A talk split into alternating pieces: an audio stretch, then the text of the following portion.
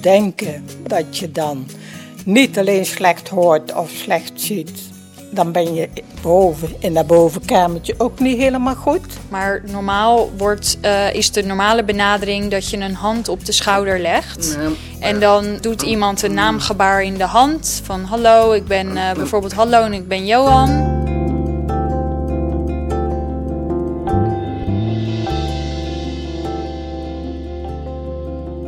Welkom bij deze vierde Een en Al Oog podcast van de Oogvereniging.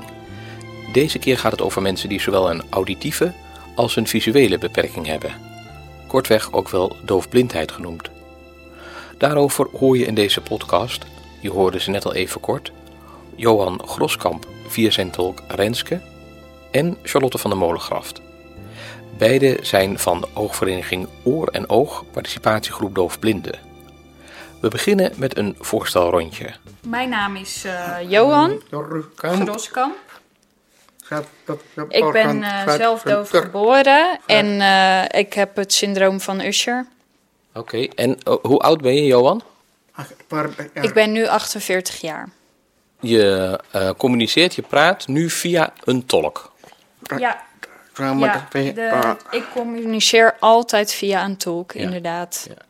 En ik zie ook, je praat ook met je handen. Ja, via tactiele gebaren. Okay. Want ik kan, uh, ik kan heel lastig zien. Dus, uh, en door de tactiele gebaren voel ik beter uh, wat er wordt gezegd. Oké, okay. en is dat dan een soort alfabet? C. Een, een. Ja, er zit ook een alfabet in, bijvoorbeeld namen of woorden, die worden in mijn hand gespeld. Sommige, baden, sommige woorden hebben geen gebaren, dus dan wordt de naam, uh, die wordt inderdaad in uh, letters gespeld. Mijn naam is Charlotte van de Molenkraft. Ik ben 70 jaar op dit moment. Ik uh, ben getrouwd. Ik heb vier volwassen kinderen en twee schatten van kleinkinderen. En je bent doofblind? Daar gaan we het zo over hebben. Maar wat betekent dat bij jou? Uh, ik heb dan het Usher-syndroom 2a. Dat betekent slechthorend geboren en op latere leeftijd slechter gaan zien tot nu functioneel blind. Ja, dat kan problemen opleveren. En die zijn er om op te lossen. En wanneer ben je blind geworden? Ja, ik denk dat ik dat nu nou, echt blind ben ik niet. Ik zie nog iets. Maar ja. de oogarts zegt functioneel blind. Mm -hmm. En dat is toch alweer een jaar of tien. Een en al oog. Charlotte, wat is eigenlijk doofblindheid? Doofblindheid is een combinatie van en slecht horen, ofwel doof zijn, en slechtziend zijn, ofwel blind in tegelijkertijd. En dat kan variëren van licht slechthoren tot zwaar slechthorend doof. Mm -hmm. En van licht slechtzien tot zwaar slechtziend blindheid. Maar... En alles wat daartussen zit. En um, dat levert niet voor iedereen dezelfde problematiek. En nee. dus ook niet voor iedereen dezelfde oplossingen. Oké. Okay. Er wordt vaak een verkeerd stempel gedrukt op doofblindheid. Kun je daar iets over vertellen? Um, op doofblindheid, ja, men denkt van, oeh, als ik het zou hebben, dan wil ik niet meer verder leven. Ze denken dat je dan niet alleen slecht hoort of slecht ziet, dan ben je boven in dat bovenkamertje ook niet helemaal goed. En bij ouderen, doordat ze zich een beetje in zichzelf opsluiten, denkt men, ach, die is aan het dementeren. Ja een beetje aandacht geven en ze doen vlot mee. Johan weer via zijn tolk over wat het voor hem betekent dat hij doofblind is. Nou ja, ik ben zelf dus uh, doofblind en voor mij is het heel duidelijk en ik heb het geaccepteerd. Ik heb het woord doofblind ook geaccepteerd. Ik ben niet dom en uh, ik kan makkelijk uh, hulp, om hulp vragen. En als ik het niet zou accepteren, dan zou ik ook geen hulp krijgen. En En nou ja, het zorgt ook voor mij uh, voor betere toegang. En ik heb ook begeleiders nodig en tolken. Ik heb ook. Uh, en uh, er komt bij mij ook thuiszorg. En dat zijn de hulpmiddelen die ik gebruik. En ja, en ik, ik ben ook niet eenzaam. Ik, ik accepteer mijn doofblindheid volledig. Oké, en heb je alleen maar doofblinde vrienden? Ik heb ook dove vrienden en horende vrienden. Ik heb niet alleen doofblinde vrienden, ik heb ook uh, dove vrienden. Voor mensen die doofblind zijn, wordt vaak heel veel geregeld in de hulpverleningssfeer. Gaat niet altijd goed, want ligt ook aan de mensen met doofblindheid zelf. Benadrukt Charlotte van de Molengraft. Die dat zich laten gebeuren. En je hebt een paar sterke karakters die dan echt zeggen van ja, hallo, ben gekke Henkie niet. Doe eens even normaal. Dit kan ik zelf wel. Als ik hulp nodig heb, dan vraag ik dat wel. Maar dat is voor heel veel mensen is dat best heel moeilijk om dat te vragen, om dat te zeggen. Met het gevolg dat alles gedaan wordt zoals de zorgverleners, de mantelzorgers denken dat het goed is. Ja. Nou is het ook soms zo dat mensen misschien iets doen met de beste bedoelingen. Bijvoorbeeld een kast opruimen, uh, omdat ze dat graag doen voor iemand. Maar dat overleggen ze er niet en dan kan iemand niet meer zijn spullen vinden. Ja. Als voorbeeld. Is dat is het gevolg van uh, goede bedoelingen, kast opruimen. Vooral de thuiszorg, hè. De mensen die dus elke week komen en die mijn koffie ergens anders neerzetten.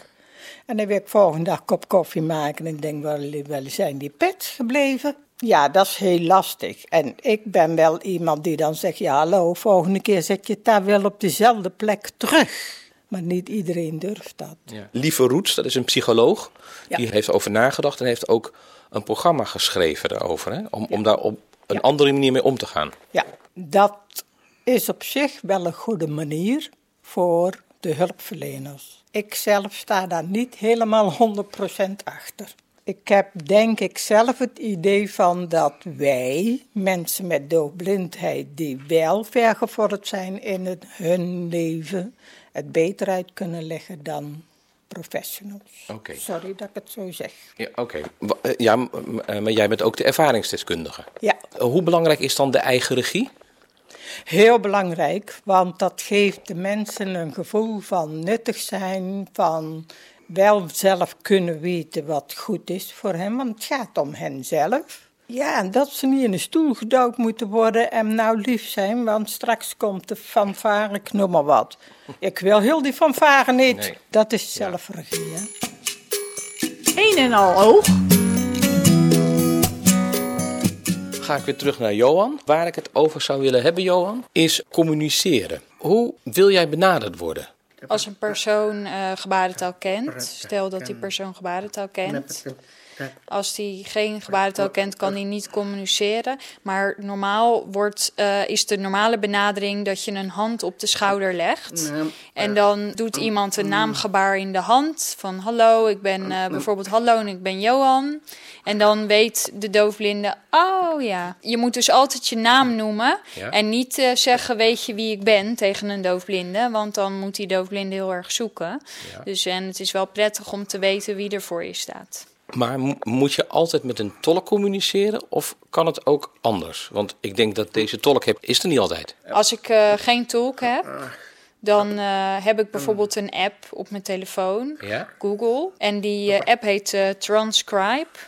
En uh, als dan iemand praat, dan kan ik in die app, uh, kan ik, uh, vertaalt hij dus zeg maar, vertaalt de app de gesproken, wat iemand zegt, vertaalt hij naar tekst. Nou ja, bijvoorbeeld in Limburg werkt het niet. Hè? Het moet wel echt netjes Nederlands zijn. Een accent, daar heeft uh, de app moeite mee. Ja? En anders uh, uh, heb ik een grote stift en dan schrijft iemand, kan iemand het opschrijven en dan kan ik het lezen. Of bijvoorbeeld blokletters in de hand. Oké, dat is ja. ook nog een mogelijkheid. Ja, dat is ook nog een mogelijkheid, ja. ja. Um, schrik je wel eens van als iemand naar jou toe komt? Ja, bijvoorbeeld in de trein. Als de conducteur uh, naar me toe komt en die tikt me dan heel hard aan, dan schrik ik. Ja. Als de conducteur voorzichtig zijn hand op mij neerlegt, dan weet ik, oh ja, ik moet mijn kaartje laten zien. Ja. Of uh, ik zie dan het NS-logo uh, Oké. bij de conducteur Ja. op de blouse en dan weet ik, oh ja, het is de conducteur. En dan laat ik mijn kaart Ehm, zien. Maar zou, zou de conducteur niet moeten weten eigenlijk dat je doofblind bent? Ja, mensen kunnen het soms niet goed zien, hè? Nee. Ik heb wel, als, als ze zien dat ik eh, een geleidehond he- heb, maar vaak denken mensen dan dat ik horend ben. En als ze het eenmaal weten, dan, hè, als ze zien dat ik gebaar of zo, dan, eh, dan leggen ze wel hun hand op me neer. Maar soms zijn mensen wel eens gefrustreerd en dan gaan ze me heel hard aantikken. Nou ja, misschien heeft, eh, heeft die conducteur dan een slechte dag of zo. Of eh, misschien ruzie met zijn vrouw en eh, dat hij me daarom eh, gaat aantikken. Ja, je, je hebt ook hele verschillende personen Ja, ja, ja. die je tegenkomt daarin. eh. Het is best wel een dingetje, denk ik. Ja, het is wel belangrijk als me- dat mensen gewoon wat meer geduld hebben. Ja. En dat ze hè, de, maar ru- rustig benaderen en met respect. En dat de conducteur weet, oh ja, deze meneer die eh, kan niet communiceren, dus dat moet even via de mobiel. Hè, op, eh, kunnen op verschillende manieren, kun- als we op andere manieren kunnen oplossen en mensen wat meer geduld hebben en wat langzamer communiceren, dan gaat dat prima. Vind je dat zelf soms ook moeilijk om zelf geduld te hebben? Ik heb zelf, ik heb altijd geduld, ja. Nou ja, oké, niet altijd. Als ik eh, snel de trein moet halen of zo, hè, dan Ja. eh, heb ik geen geduld. Maar verder wel. Nou, eerlijk antwoord. Hoe belangrijk is belangenbehartiging? Charlotte van de Molengraft. Eh, belangenbehartiging is ontzettend belangrijk, omdat de groep mensen met doofblindheid klein is in verhouding tot blinden of doven, slechthorenden. Die groep is zo klein dat ze vaak over het hoofd gezien worden. Dus wij moeten net, als we dan gaan zeggen, Johan, die is bijvoorbeeld op dit moment heel erg bezig om de tolkvoorziening voor mensen met doofblindheid goed geregeld te krijgen, dan is dat heel belangrijk. Want ja, je hebt zelf gezien, het moet daar met vier handen eh, gebaard worden en een dove ziet dat van in de lucht. Bij zorgverlening door zorginstellingen die alleen met blinden of alleen met doven te maken hebben, is het ook belangrijk om daar onze stem te laten horen. Om te laten weten, ja, dat is allemaal wel leuk, maar ik zie het niet. Of het mag wel een leuke oplossing zijn, maar ik hoor het niet. Dus om daar een gulden middenweg in te vinden, dan moet ik zeggen dat de oogvereniging daar best wel veel aandacht voor Ja. heeft. Aan de andere kant denk ik ook dat het ook best wel moeilijk is. Heel erg moeilijk, want nou bijvoorbeeld op een station. Ik heb twee cochleaire implantaten. En kan ik spraak verstaan in zo'n situatie, één op één, drie, vier mensen, kan ik heel goed volgen. Ja. Maar vergaderingen, dan heb ik een schrijftolk nodig. Nou ben ik op station. Ik stond op verkeerde perron. Terwijl in mijn app staat van, je moet op perron 5 zijn. Ja. En dan gaat hij op 6 staan. Is Ja. wel omgeroepen. Ja. Ik hoor het niet. Nee. Ja, maar dat zijn dingen, omroepinstallaties, overal Ja. waar ze dat gebruiken. Ik kan daar niks mee. En hier zijn de beloofde feiten en cijfers. Wanneer spreek je van doofblind? Het platform Doofblindheid, alle expertisecentra voor doofblindheid, hanteren de volgende criteria voor doofblindheid. Een gehoorverlies van 35 decibel of meer, gezichtsverlies in scherp zien, een gezichtspercentage van 0,30 of minder en of een gezichtsveld van 30 graden of minder. Ontstaat vanaf 55 jaar of ouder. Steeds meer aangewezen op hulpmiddelen en de hulp van anderen. Door de combinatie van niet haakje openen, goed haakje sluiten horen en niet haakje openen, goed haakje sluiten zien, ontstaan problemen met communicatie, de toegang tot informatie en mobiliteit. Naar schatting zijn er in Nederland ongeveer 35.000 tot 40.000 doofblinden. Circa 30.000 tot 35.000 mensen krijgen na hun 55ste jaar een beperking in horen en zien.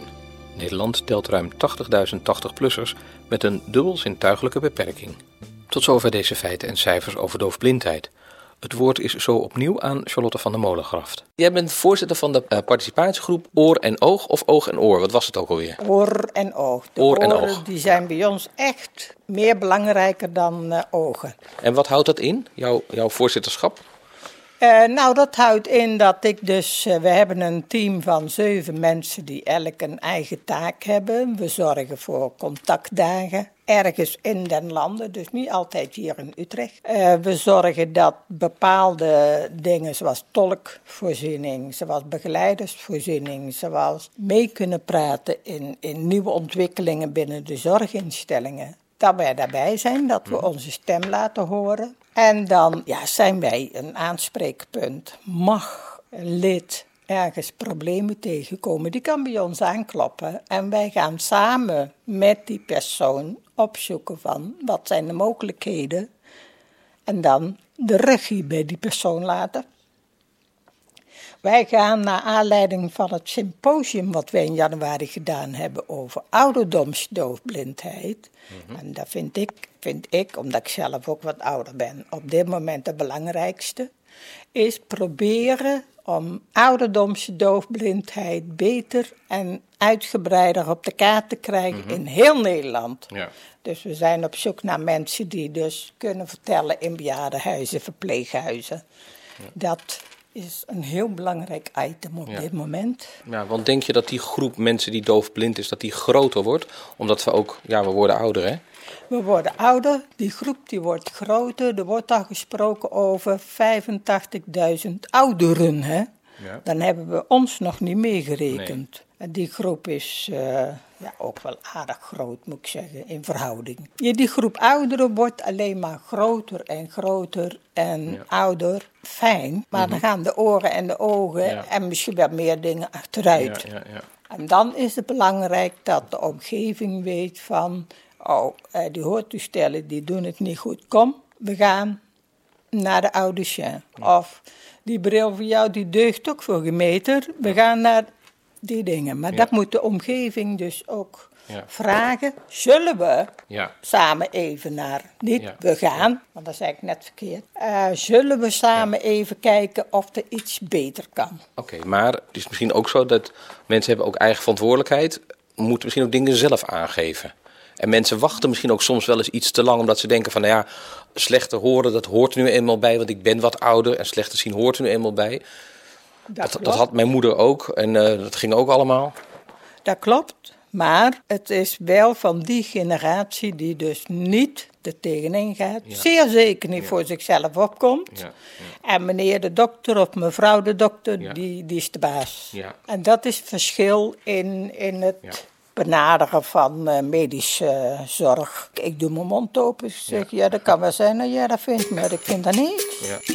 Eén en al oog. Wat doet Johan eigenlijk graag in zijn vrije tijd? Ik vind het heel erg leuk om een museum te bezoeken, bijvoorbeeld. Je hebt bijvoorbeeld uh, een leuk museum in Den Haag. En uh, daar mag je dan ook de stukken, die mag je voelen. En dan krijg je witte handschoenen. Dat is wel heel erg interessant. Okay, dus dus uh, museumbezoek vind je leuk. Maar bijvoorbeeld, uh, ja, ik weet niet, lees je wel eens een boek, luister je muziek of ja, dat soort dingen? Nou, muziek kan ik niet luisteren, hè? ik ben doof. Ja, oké, goed. Nee, een boek lees ik niet. Ik lees wel veel op, het, op websites en internet oh, over geschiedenis en over politiek en over de ruimte. En ja, ik vind het ook heel erg interessant om, uh, hè, bijvoorbeeld over dat zwarte gat wat ze hadden ontdekt. Uh, dat vond ik ook heel erg leuk om te lezen. Oh, oh.